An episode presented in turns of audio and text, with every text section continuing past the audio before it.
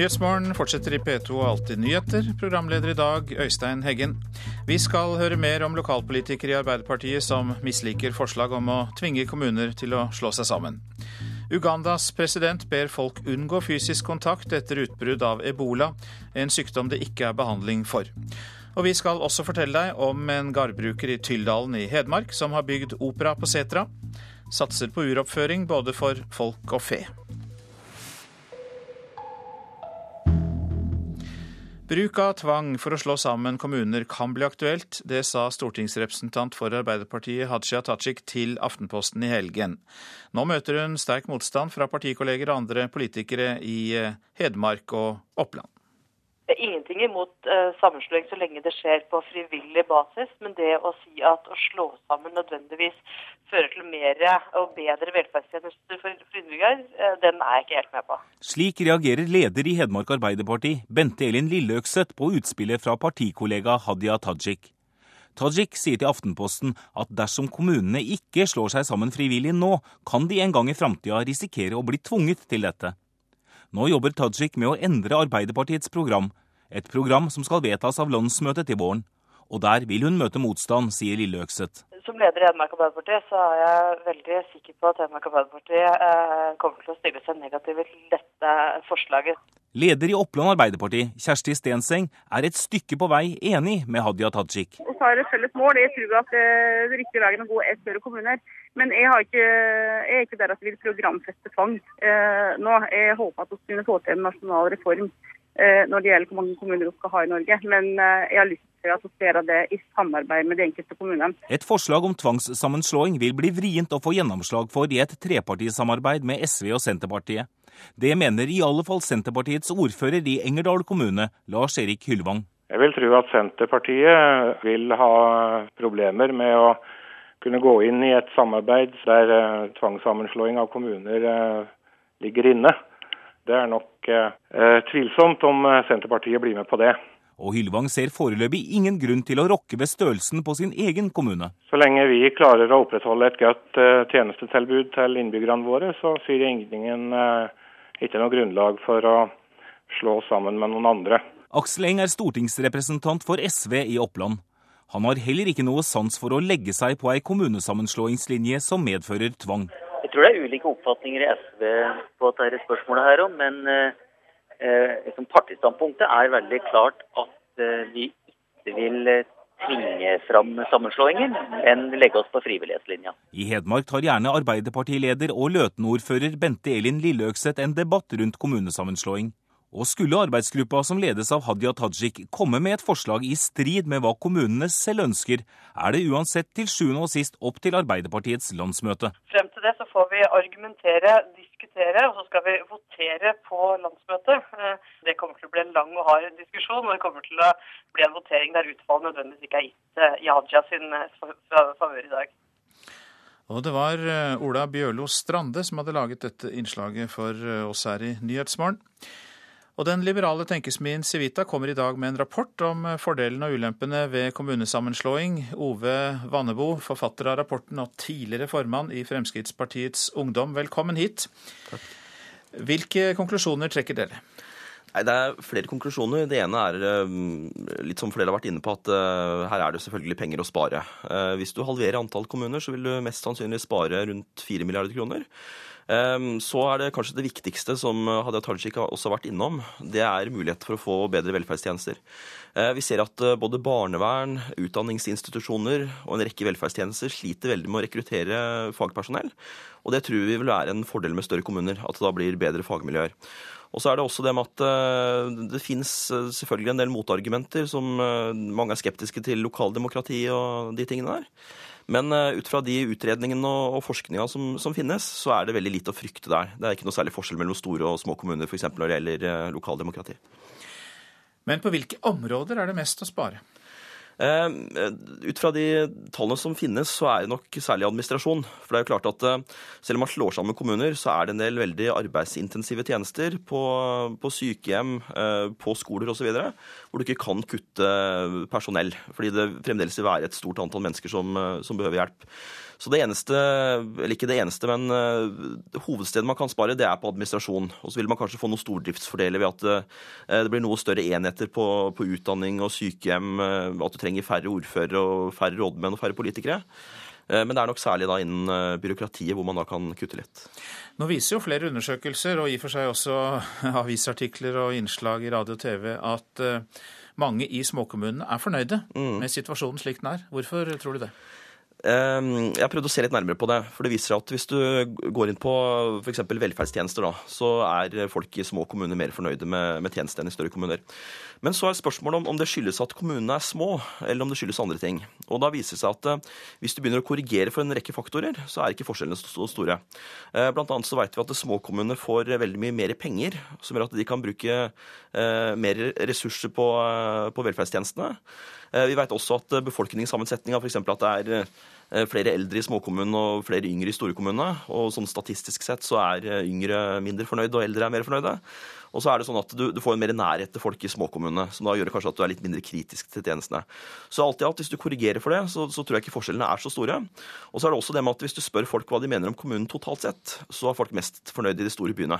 Så dette er et mer sammensatt bilde enn, eh, enn de som er skeptiske, vil ha det til. Vanebo, tilbake til utgangspunktet i det innslaget du og jeg hørte på tvang eller ikke tvang. Hva tror du om det? Jeg har ingen tro på at frivillighetslinja fungerer. Eh, og da, da, er det bare å se på hvordan det har gått eh, siden vi hadde de siste sammenslåingsrundene i, i 60-åra. Siden da så er det omtrent ingen sammenslåinger. Og Grunnen til det er at i, i 95 så fikk man et vedtak i Stortinget om at all kommunesammenslåing skal være frivillig. Eh, og siden da så er det kun seks færre kommuner i løpet av da veldig mange år. Så det viser jo klart og tydelig at hvis man velger frivillighetslinja, så er det en ærlig sak, men da kan man heller ikke regne med at det blir færre kommuner. Mange takk for at du kom til Nyhetsmorgen, Ove Vannebo, forfatter av denne rapporten som da Tenkesmien Civita har laget. Nå om eh, sommerfestivalen for psykisk eh, syke som er avlyst i år. Tusen mennesker med psykiske lidelser skulle møtes for 17. gang i år for bl.a. å drive idrett sammen, men festivalen har fått for lite offentlig støtte. Bettina hun har depresjon og sosial angst, og var klar for å trene sammen med andre med psykiske lidelser denne sommeren. Man får sånn kick av det. Og når det er så mange som står og heier, og alle heier på alle, så blir du så glad, og du har lyst til å gjøre en ekstra innsats. Bettina har slitt med depresjon og sosial angst. Hun har meldt seg på sommerfestivalen for folk med psykiske lidelser, som skulle ha gått av stabelen for 17. gang i august. Men de frivillige som har pleid å arrangere den, har ikke fått nok støtte fra det offentlige i år, og festivalen må avlyses. Um, jeg ble kjempelei meg, for det var egentlig den sommerferien jeg skulle ha i sommer, da, som jeg hadde planlagt. Det å få det avbrekket å komme seg litt vekk og skifte litt miljø. Pushe hverandre litt eh, og oppmuntre da, når man skal eh, gjøre aktivitetene. Kristin Bendiksen er fritidsleder på Dikemark psykiatriske sykehus og har vært med brukerne på festivalen i en årrekke. Hun mener at en nasjonal idrettsfestival gjør at folk med psykiske lidelser takler hverdagen bedre. Det er, det er, store øyeblikk, og det er en eh, veldig god motivasjon for å kunne trene gjennom hele året. Det er eh, et fellesskap som er helt unikt, og som er utrolig betydningsfullt for eh, videre behandling også. Bendiksen sier mange som deltar på festivalen er uføretrygdet eller minstepensjonister, og derfor ikke har råd til å betale mye for å komme seg ut. De har fått støtte til å delta av arrangementet. En del av de som er på en måte dårligst stilt, de har jo kunnet uh, søke midler der. Den frivillige stiftelsen trenger nesten en million for å arrangere sommerfestivalen. Helsedirektoratet har bevilget 300 000 kroner i år.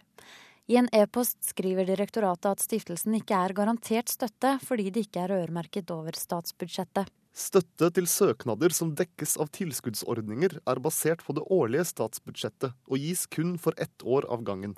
Bettina sier festivalen har gjort henne litt tøffere, og hun hadde gledet seg til å trene sammen med andre folk som er i samme situasjon som henne. Når man er i psykiatrien, så er det mange utfordringer man har. Og det er ikke så lett å bare dra inn på treningssenter og så trene med vilt fremmede mennesker. Men det å å da kunne dra med folk som er i samme situasjon som deg, da, og være fysisk aktive sammen, det, det har mye å si. Reporter, det var Elida Høek. Dette er Nyhetsmorgen, og klokka den er 7.13 akkurat der. Vi har disse overskriftene. Lokalpolitikere i Arbeiderpartiet liker ikke forslaget i partiets programkomité om å tvinge kommuner til å slå seg sammen. Prisene på korn, hvete og kraftfôr er nå rekordhøye internasjonalt, men et regulert landbruk her i Norge fører til at vi ikke merker stort til det. Straks om det dødelige ebolaviruset som rammer Uganda.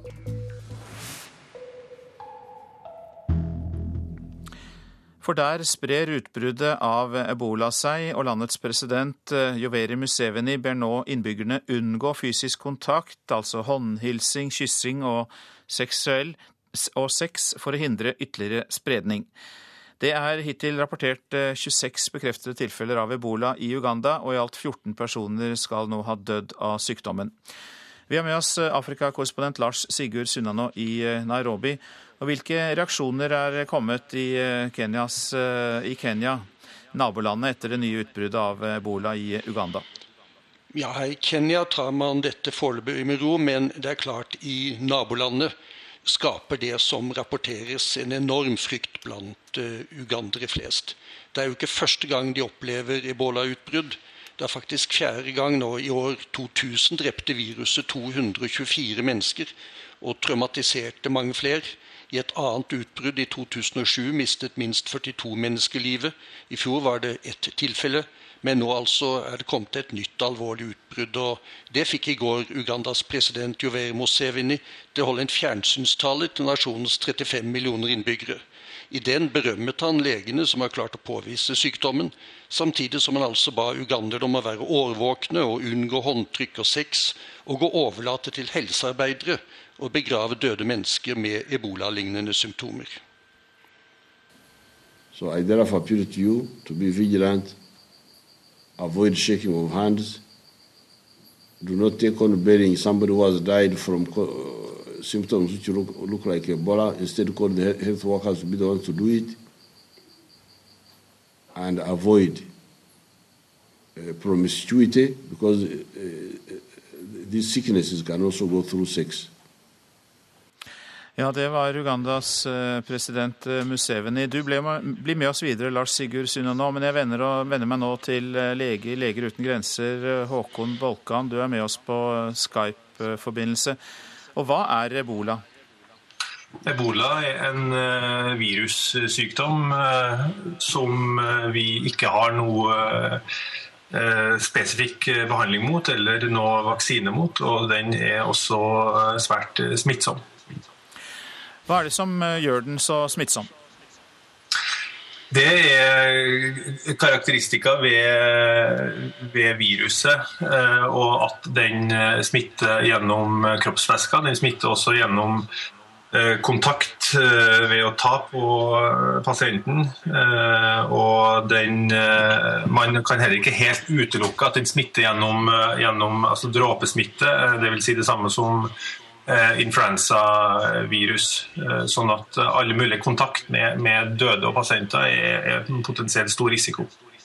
Vi holder kontakten med deg, Bolkan. Jeg vender meg til deg, Lars Sigurd Sunnan. Og, uh, situasjonen i de nordvestre områdene av Uganda, der de fleste er rammet, hvordan er den?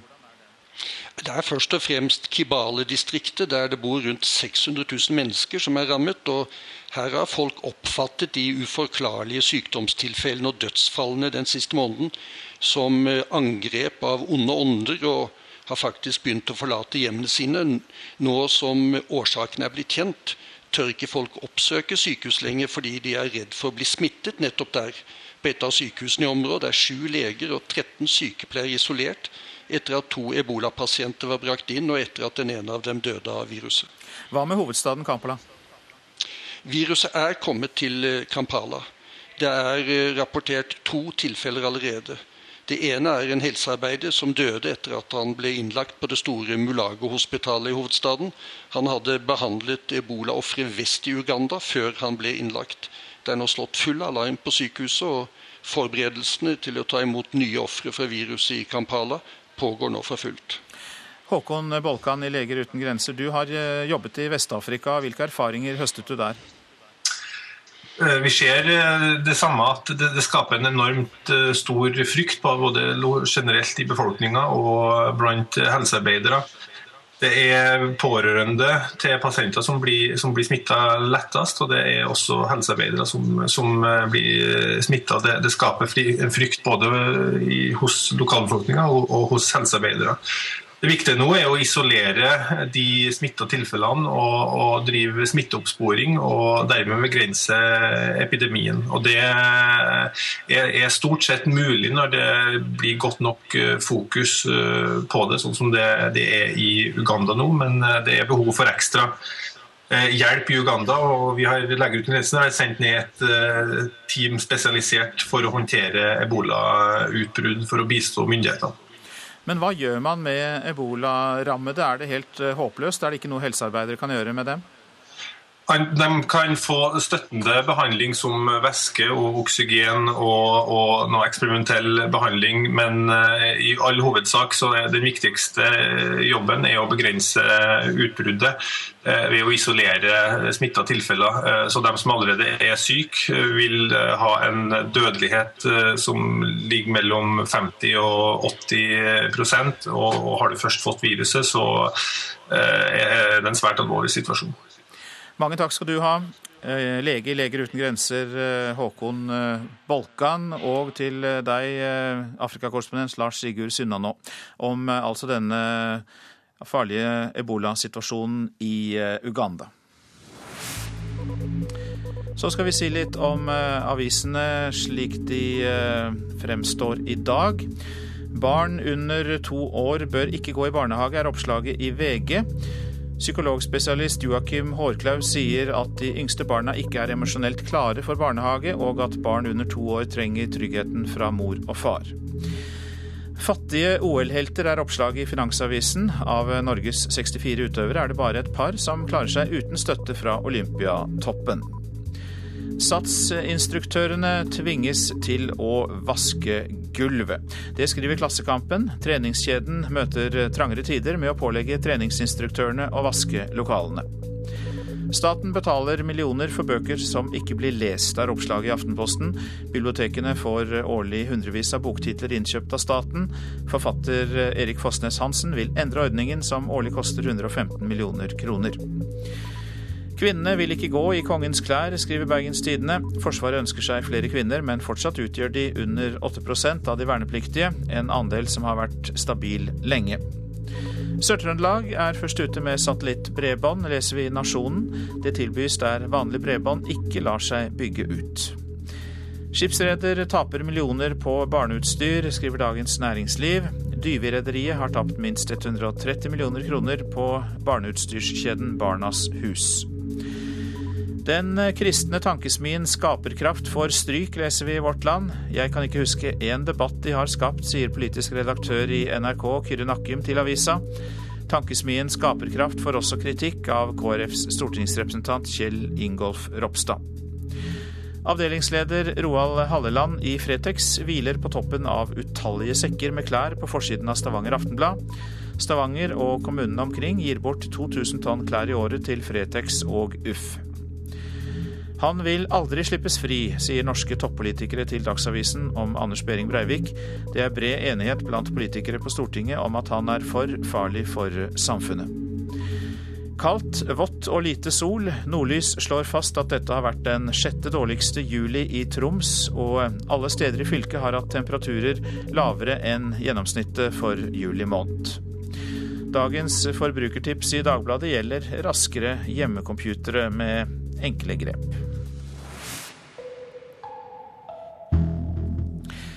Kari Olvik Grimsbø er klar for å ta på seg ansvaret i Norges mål. I går storspilte målvakten da Norge slo Sverige 24-21. Kaptein Marit Malm Frafjord sier hun alltid har hatt tro på andrekeeperen. Hun trener kjempegodt. Hun har, altså, hun har, aldri, hun har alltid hatt den rollen bak at hun har tatt den veldig bra. Hun har alltid vært klar til å komme inn når hun har uh, fått mulighet til å komme inn, og nå fikk hun start. og hun tok den uh, muligheten. Det tok hun altså, virkelig godt vare på. Kaptein Marit Malm Frafjord hadde nesten ikke ord på hvor fantastisk innsatsen til Kari Olvik Grimsbø var mot Sverige.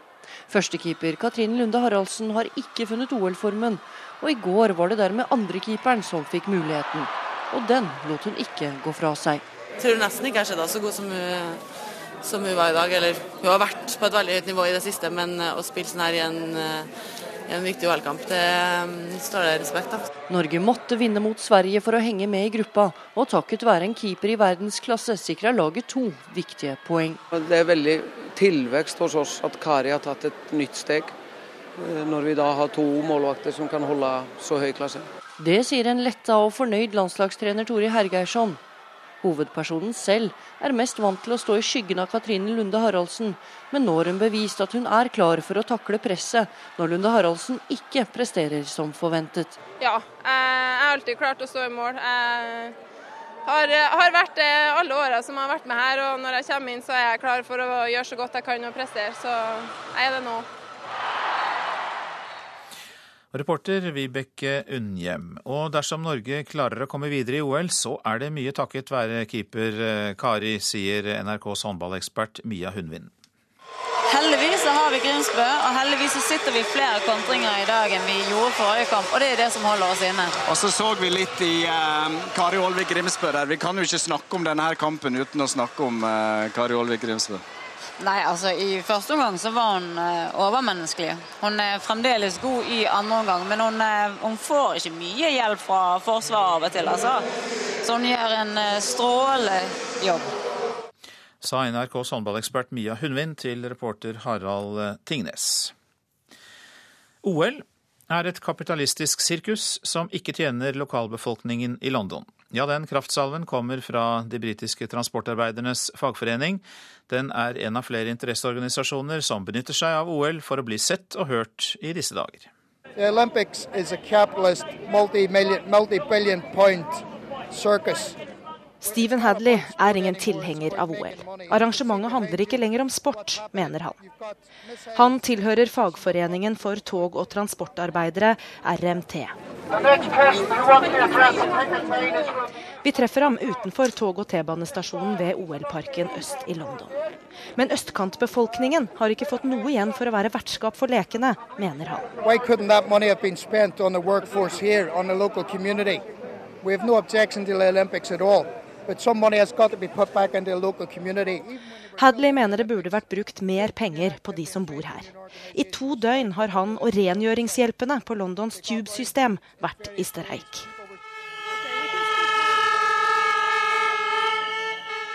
People who make it so clean and so nice, you know, have been treated like as slaves. So we feel this is the date for us to tell the world how we've been treated. Vi blir behandlet som slaver, sier Klara Osagede, som vil vise verden hvordan arbeidsforholdene er. Hun er en av mange hardtarbeidende rengjørere som føler de ikke blir verdsatt for innsatsen. I wake up four o'clock every morning to get dressed because I have to start six o'clock in the morning and then get to work and then I don't get back till about seven. Med en arbeidstid fra klokken seks om morgenen til sju om kvelden blir det lange dager. Timebetalingen ligger under 60 kroner. Det er et hardt liv. Claras fem år gamle sønn bor hos mormoren i Nigeria, mens moren altså streiker for bedre lønn. Hun ønsker seg også en bonus nå i OL-perioden, slik T-baneførerne og nesten alle de andre transportgruppene får. Og det er rengjøringshjelpenes arbeidsvilkår Transportarbeiderforeningen RMT vil synliggjøre, forteller Stephen Hadley. Well, what we've done is trying to highlight the injustice of what's going on with the cleaners by having a protest here at Stratford. But is it right to use the Olympics as an arena for this fight? Well, it's not about sport anymore, it's about making money. Og de pengene mener han bør komme lokalbefolkningen generelt til gode, og rengjørerne spesielt. Gentlemen, welcome to London and to the games of the 30th Olympiad. Men synspunktet hans druknet i jubelbrusene fra åpningsseremonien. Slik også Klaras krav om et anstendig familieliv har forsvunnet i OL-rusen. Gry Blekastad Almås, London. Og fra OL til opera. Det er kanskje ikke det vi forbinder med kulokk og seterliv, men på en setervang i Tyldalen i Nord-Østerdal har en bonde bygd en egen opera i tilknytning til seterfjøset. Arne Eggen lokker på kyrne sine på Sætra Søstu Eievangen. 800 meter over havet, i Svarthamerlia i Tyldalen i Nord-Østerdal, har mjølkebonden bygd et eget operahus. Opera di Setra. Altså, jeg liker opera. Det er punkt én, da. For da den over gjennomsnittet operainteresserte fjellbonden skulle bygge nytt seterfjøs, bygde han like godt egen opera i tilknytning til det mange hundre år gamle fjøset. Opera passer jo så godt på i i seterlandskap. Opera di Setra skal by på forestillinger med profesjonelle aktører og gi folk en unik seteropplevelse, sier operabonden. En ting er også å ha det på en vanlig scene, men hvorfor ikke dra folk til fjells? Og så kan folk òg få oppleve seterlivet. Arne Eggen håper seteroperaen vil bli en attåtnæring. Men kan det lønne seg å ha en opera langt inn på fjellet? Foreløpig er det bare utgifter. Planene framover for den ferske operasjefen er klare. Det er å få en kammeroppsetning forhåpentligvis neste år. Og i 2015 har vi, har vi planer om en uroppsetning av en ny opera. Først må ærlig innrømme at jeg syns det er en ganske vågal idé da, til en helt standard norsk mjølkebonde å begynne å sette i gang med sånt. Sønnen Lars, som er utdannet operasanger og bor i Trondheim, sier Opera di Setra er så spesielt at det vil trekke både profesjonelle aktører og publikum til fjells. Ja, jeg tror det er mange som uh, vil være ganske nysgjerrig da, på hva det egentlig er for noe. Det å få lov til å komme en plass og oppleve noe i tillegg til bare inni et tørt kulturhus, det tror jeg mange setter veldig stor pris på. Det sa sønn av operabonden og selv operasanger Lars Eggen til reporter Stein S. Eide. Prosent for Nyhetsmorgen, Jean-Rik Bjørnskaug, her i studio Øystein Heggen. Etter Dagsnytt skal vi bl.a. høre at uh, kornprisene er rekordhøye, men at vi merker lite til det her hjemme.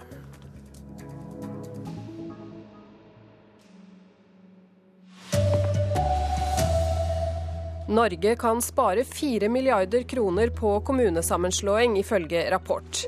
Keeperkari redda de norske håndballjentene fra tap mot svenskene i OL. Og desperate hageeiere jakter brunsnegl, nå er giftlageret tømt. Her er NRK Dagsnytt klokka 7.30. Norge vil kunne tjene 4 milliarder kroner årlig på å halvere antallet kommuner. Det er konklusjonen i en rapport fra den liberale tankesmia Civita. Ove Vanebo, som har utarbeida rapporten, mener det er flere måter å spare penger på ved kommunesammenslåinger. Det vil være noen stordriftsfordeler, f.eks. hvis man kan bygge større og bedre sykehjem, hvis man kan samordne barnehageplasser. Men så er det også sånn at når det blir færre kommuner, så blir det jo færre ordførere, færre rådmenn, færre politikere. Og det tror vi totalt sett gjør at man kan spare en god slump penger som man kan bruke andre steder. Civitas rapport, som baserer seg på allerede eksisterende forskning, kommer bare få dager etter at det ble kjent at en arbeidsgruppe i Arbeiderpartiet, ledet av stortingsrepresentant Haja Tajik, også går inn for å programfeste kommunesammenslåinger. Vanebo, som selv har bakgrunn fra Fremskrittspartiet, har god tro på at Civita og Tajik vil få gjennomslag. Ja, det har jeg veldig tro på. Og grunnen til det er at det er laget undersøkelser hvor man har intervjua f.eks. stortingsrepresentanter og spurt dem om de er for større kommuner. Og Da svarer godt over halvparten av stortingsrepresentantene at det, det mener de bør gjøres. Etter Tajiks utspill i Aftenposten denne uken har ikke reaksjonene internt i Arbeiderpartiet latt vente på seg. En av dem som reagerer er leder i Hedmark Arbeiderparti, Elin Lilleøkseth. Det er ingenting imot uh, sammenslåing så lenge det skjer på frivillig basis, men det å si at å slå sammen nødvendigvis fører til mer og bedre velferdstjenester for innbyggere, uh, den er jeg ikke helt med på. Også andre internt i det rød-grønne samarbeidet reagerer. For Senterpartiet er sterkt imot å tvinge frem kommunesammenslåinger. En av de mange som sier dette, er Senterpartiets ordfører i Engerdal, Lars Erik Hyllevang. Senterpartiet vil ha problemer med å kunne gå inn i et samarbeid der uh, tvangssammenslåing av kommuner uh, ligger inne. Det er nok uh, tvilsomt om Senterpartiet blir med på det. Reportere her Berit Aalborg og Ola Bjørlo Strande. Sommerfestivalen for psykisk syke er avlyst i år. Festivalen der opp mot 1000 mennesker med psykiske lidelser møtes, skulle blitt arrangert for 17. gang i august, men de har ikke fått nok støtte. Bettina, som har depresjon og sosial angst, er skuffa. Man får sånn kick av det. Og når det er så mange som står og heier, og alle heier på alle, så blir du så glad, og du har lyst til å gjøre en ekstra innsats. Bettina har slitt med depresjon og sosial angst. Hun har meldt seg på sommerfestivalen for folk med psykiske lidelser, som skulle ha gått av stabelen for 17. gang i august. Men de frivillige som har pleid å arrangere den, har ikke fått nok støtte fra det offentlige i år, og festivalen må avlyses. Um, jeg ble kjempelei meg, for det var egentlig den sommerferien jeg skulle ha i sommer, da, som jeg hadde planlagt. Det å få det avbrekket, å komme seg litt vekk og skifte litt miljø. Pushe hverandre litt. Uh, og oppmuntre da, når man skal uh, gjøre aktivitetene. Kristin Bendiksen er fritidsleder på Dikemark psykiatriske sykehus og har vært med brukerne på festivalen i en årrekke.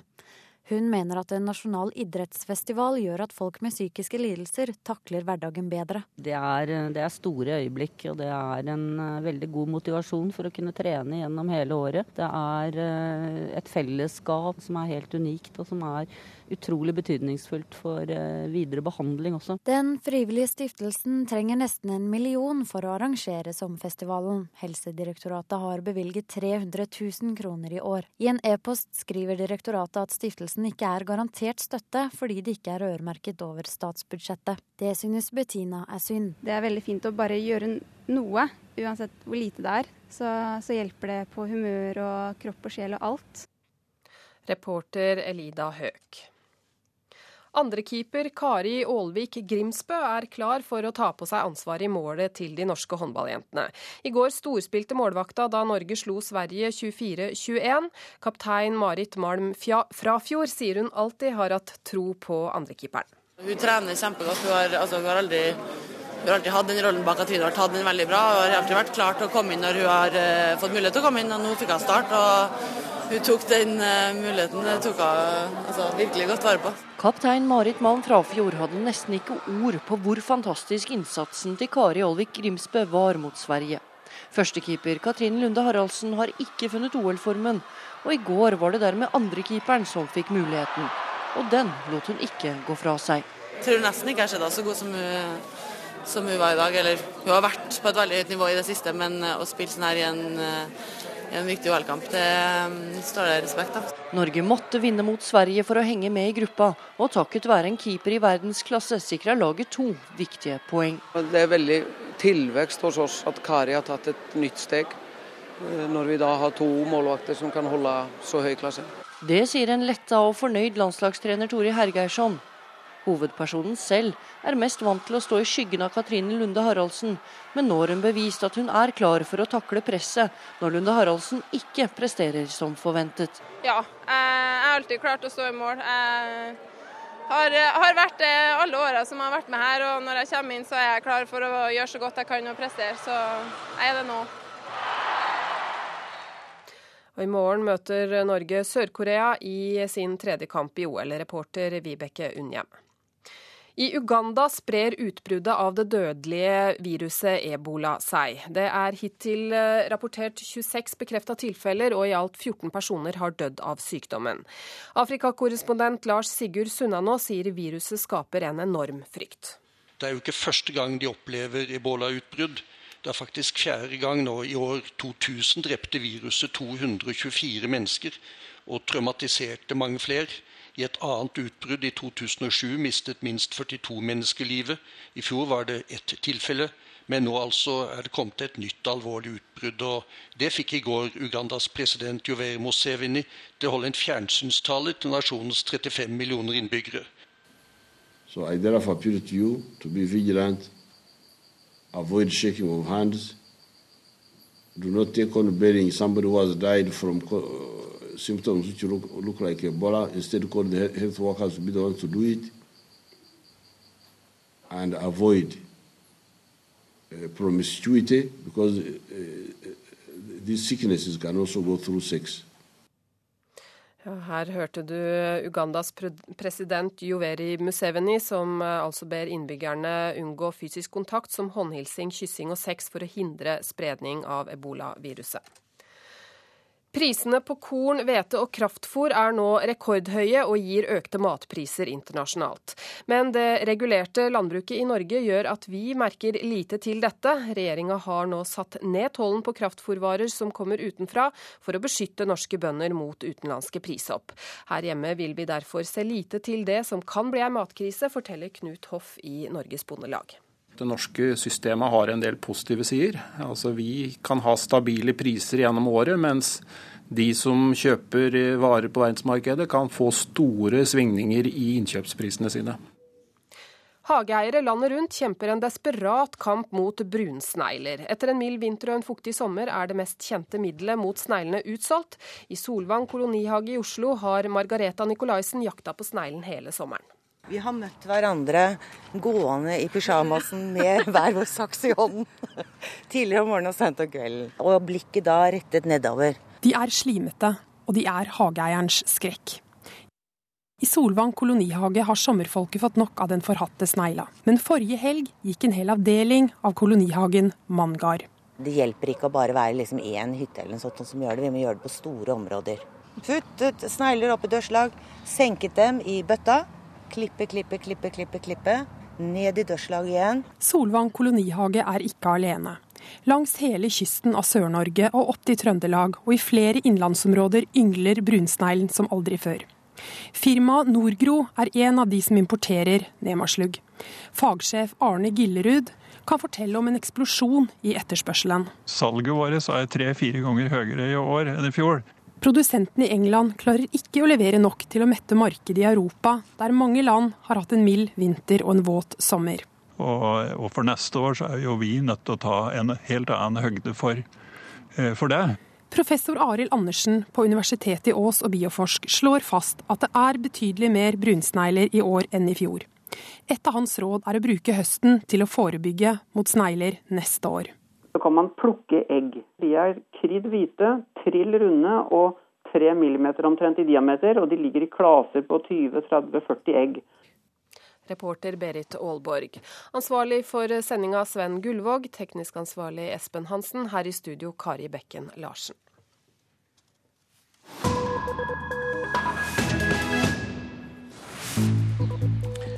Dette er eh, Nyhetsmorgen, og klokka den har passert 7.44.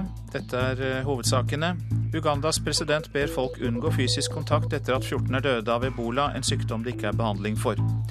Sommerfestivalen for psykisk syke er avlyst i år, fikk for liten støtte. Og desperate hageeiere jakter brunsnegler. Nå er lageret med motgift tømt.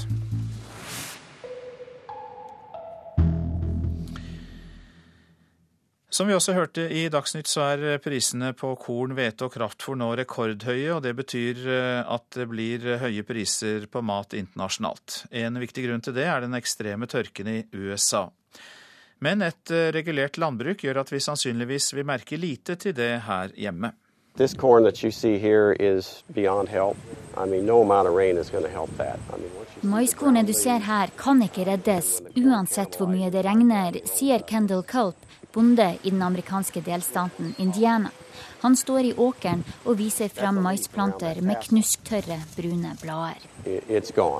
Halve avlinga er ødelagt, svidd opp og tørka inn i den verste tørken USA har opplevd på over 50 år. At verdens største matprodusent har ødelagte avlinger, vil presse matprisene opp verden rundt. Food inflation is not just going to be in the United States, it's going to be literally worldwide forteller landbruksøkonom Chris Hurt fra Purdue University.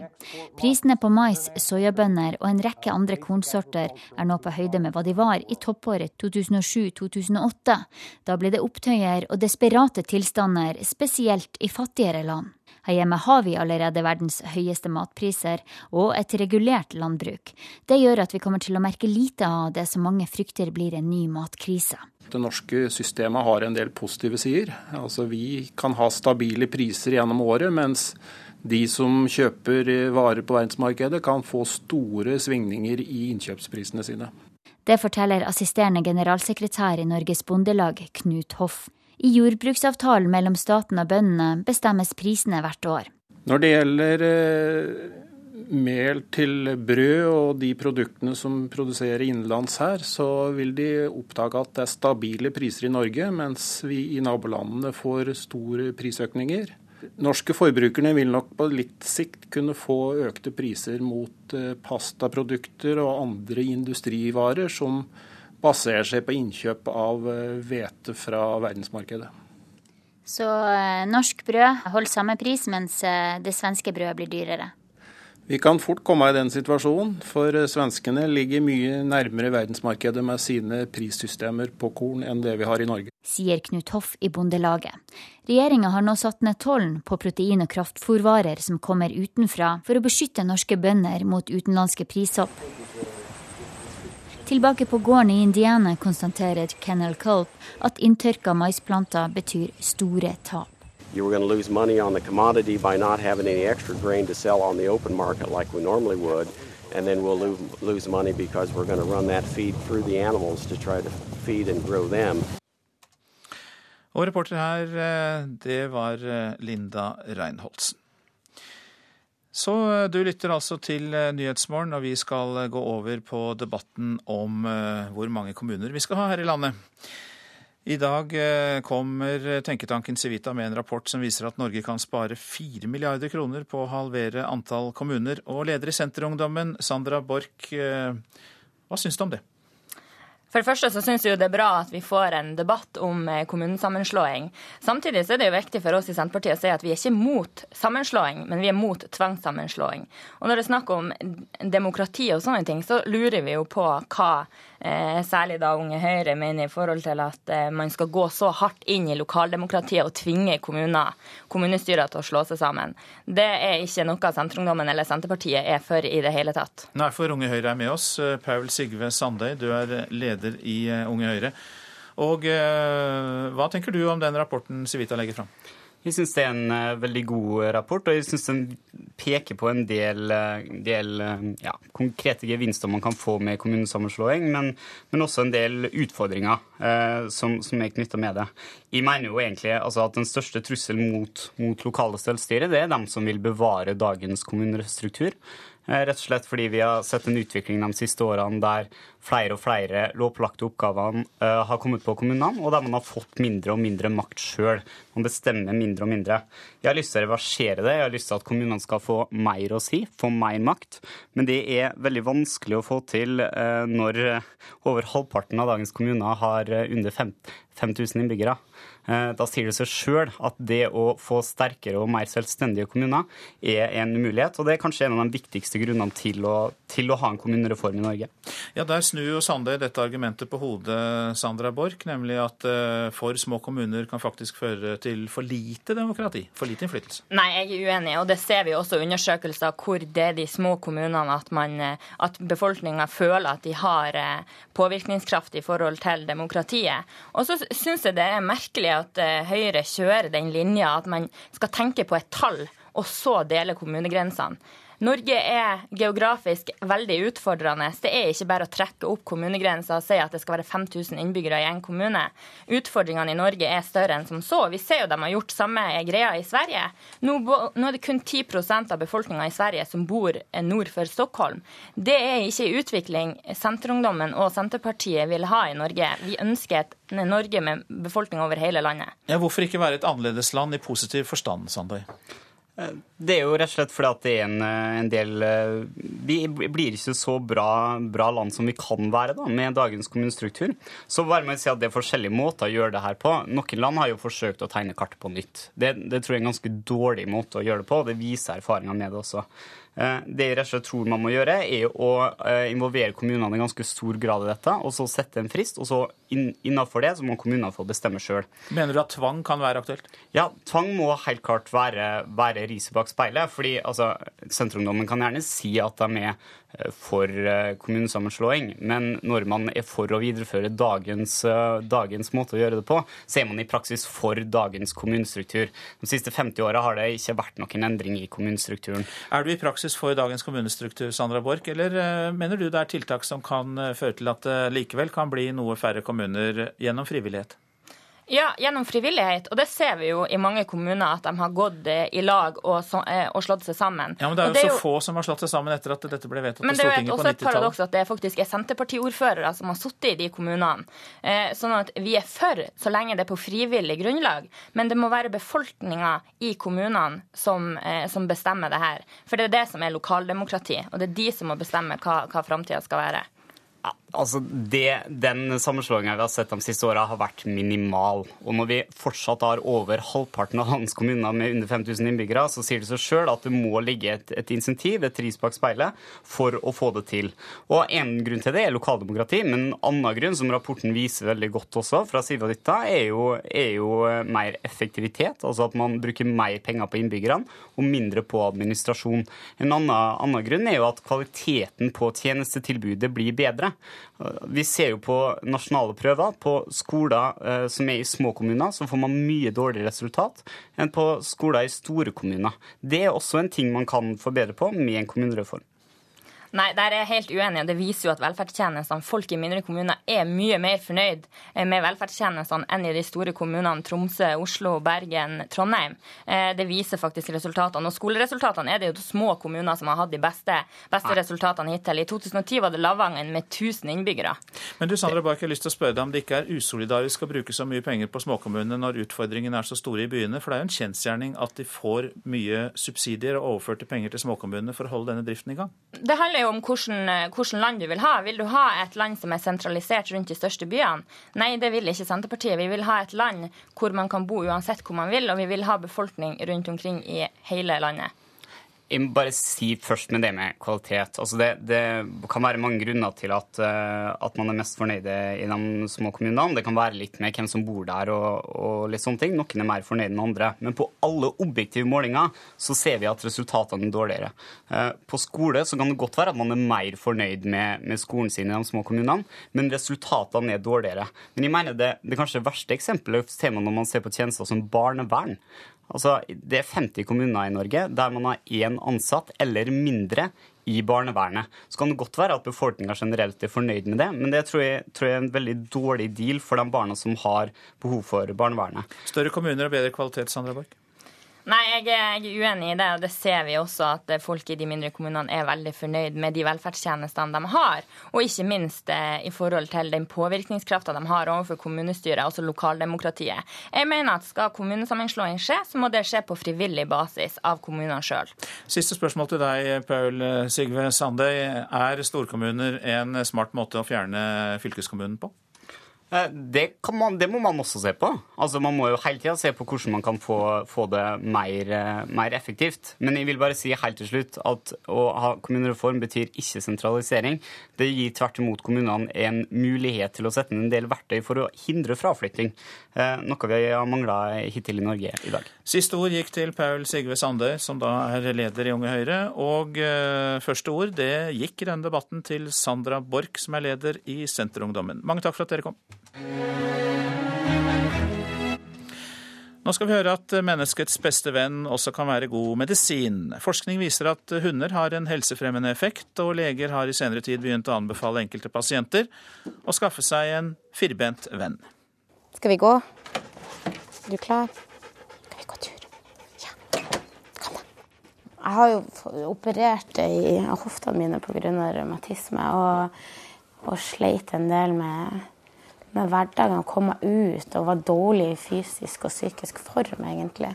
Da hun Elisabeth Bryn ble uføretrygda for fem år siden, var det anskaffelsen av rottweilertispa Akira som snudde situasjonen til noe positivt. Når Akira kom, så, så, var jeg jo nødt til å gå ut. Og turene ble jo bare lengre og lengre. Og eh, etter hvert så ble jo jeg i bedre form, og da ble jo turene tidligere òg. Man fikk en fin hverdag igjen. Og jeg har minimale sykdomsdager i forhold til hva jeg hadde før. Historia hennes er ikke unik. Forskning viser at dyr har helsebringende effekt, og hunder blir i stadig større grad brukt som terapi.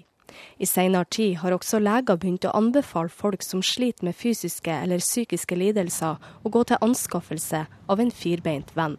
Jeg tror vi har et kunnskapsgrunnlag som er veldig solid i forhold til at dette kan bli framtiden. Ifølge sunnhetsoverlege i Salten, Kai Brynjar Hagen, vil hunder bli brukt stadig mer som medisin. I fremtida kan det bli aktuelt å skrive ut hund på resept. Jeg vet at det i utlandet er gjort uh, forsøksprosjekt med godt resultat. Og ut fra den erfaringa jeg har sjøl som fastlege, så vil jeg tro at det, er en veldig god idé. Men uh, samtidig så er det jo visse forutsetninger som må være oppfylt for at det skal bli vellykket. I dag har ikke legene noen fastsatt praksis for å anbefale hund, og Hagen mener at det må rutiner på plass for å sikre både pasientene og dyrene sin velferd. Enkelte som får hund for å bedre helsa, opplever at de ikke greier å ta vare på dyret når de har dårlige perioder. Ja, det har vi sett eksempel på, og, det kan da ende opp i tragedier. Det vet vi mye om. Så, så dette må sikres på en ordentlig måte. Ved Universitetet i Ås har de oppretta et såkalt antrosologisenter, hvor de forsker på relasjoner mellom dyr og mennesker. Line Sandstedt, som er daglig leder ved senteret, mener at det finnes langt bedre løsninger enn dagens praksis. En annen løsning enn å skaffe seg egen hund, kan jo være å danne mer uforpliktende forbindelser. F.eks. For at man som en ledd i behandlinga oppsøker profesjonell hjelp som tilbyr dyreassistert terapi. Også Elisabeth mener at mer utstrakt bruk av besøkstjenester eller sentre hvor pasienter får tilbringt tid med dyr, er veien å gå videre. Men hun er ikke i tvil om at menneskets beste venn også vil være den beste medisin for mange, sånn som Akira var for henne. Nå er jeg jo på fellestreninger med gode venner og trener med hunden tre til fire ganger i uka. Og vi reiser på samlinger og vi reiser på konkurranser. Jeg er jo blitt en av de travleste jentene i byen. Kan du si I love you? I love you? Å, det var nesten. Reporter Sara Bjelvin. Nå noen ord om eh, været slik det blir i dag. Fjell i Sør-Norge, skyet eller delvis skyet. Enkelte regnbyger. Fra i formiddag økende byggeaktivitet. Utrygt for torden. I kveld lettere vær i Langfjella. Østlandet og Aust-Agder og Telemark. Regnbyger først i sør. Perioder med sol kan det også bli. Mulighet for kraftige byger, noen med torden. I kveld stort sett opphold sør for Mjøsa.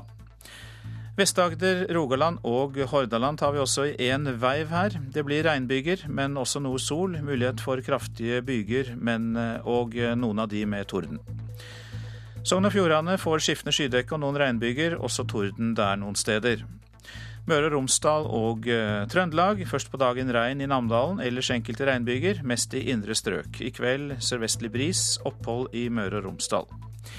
Helgeland, Saltfjellet, Salten og Ofoten. Regn gradvis minkende. I kveld noen regnbyger i grensetraktene sør for Saltfjellet. Kan hende med torden, ellers opphold og lettere skydekke.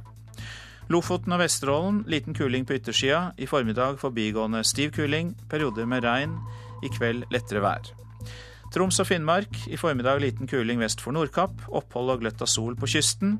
Fra i ettermiddag litt regn, vesentlig indre og sørlige strøk. En del lave tåkeskyer på Finnmarkskysten. Nordensjøland på Spitsbergen pent vær, men i kveld noe mer skyet. Temperaturer klokka sju. Svalbard 5, Kirkenes 11, Varde 10, Alta 13, Tromsø 11, Bodø 14, Brønnøysund 11, Trondheim 12, Molde 13, Bergen 12, Stavanger 11, Kristiansand 12, Gardermoen også 12, Lillehammer 10, Røros 8 og Oslo-Blindern 13 grader.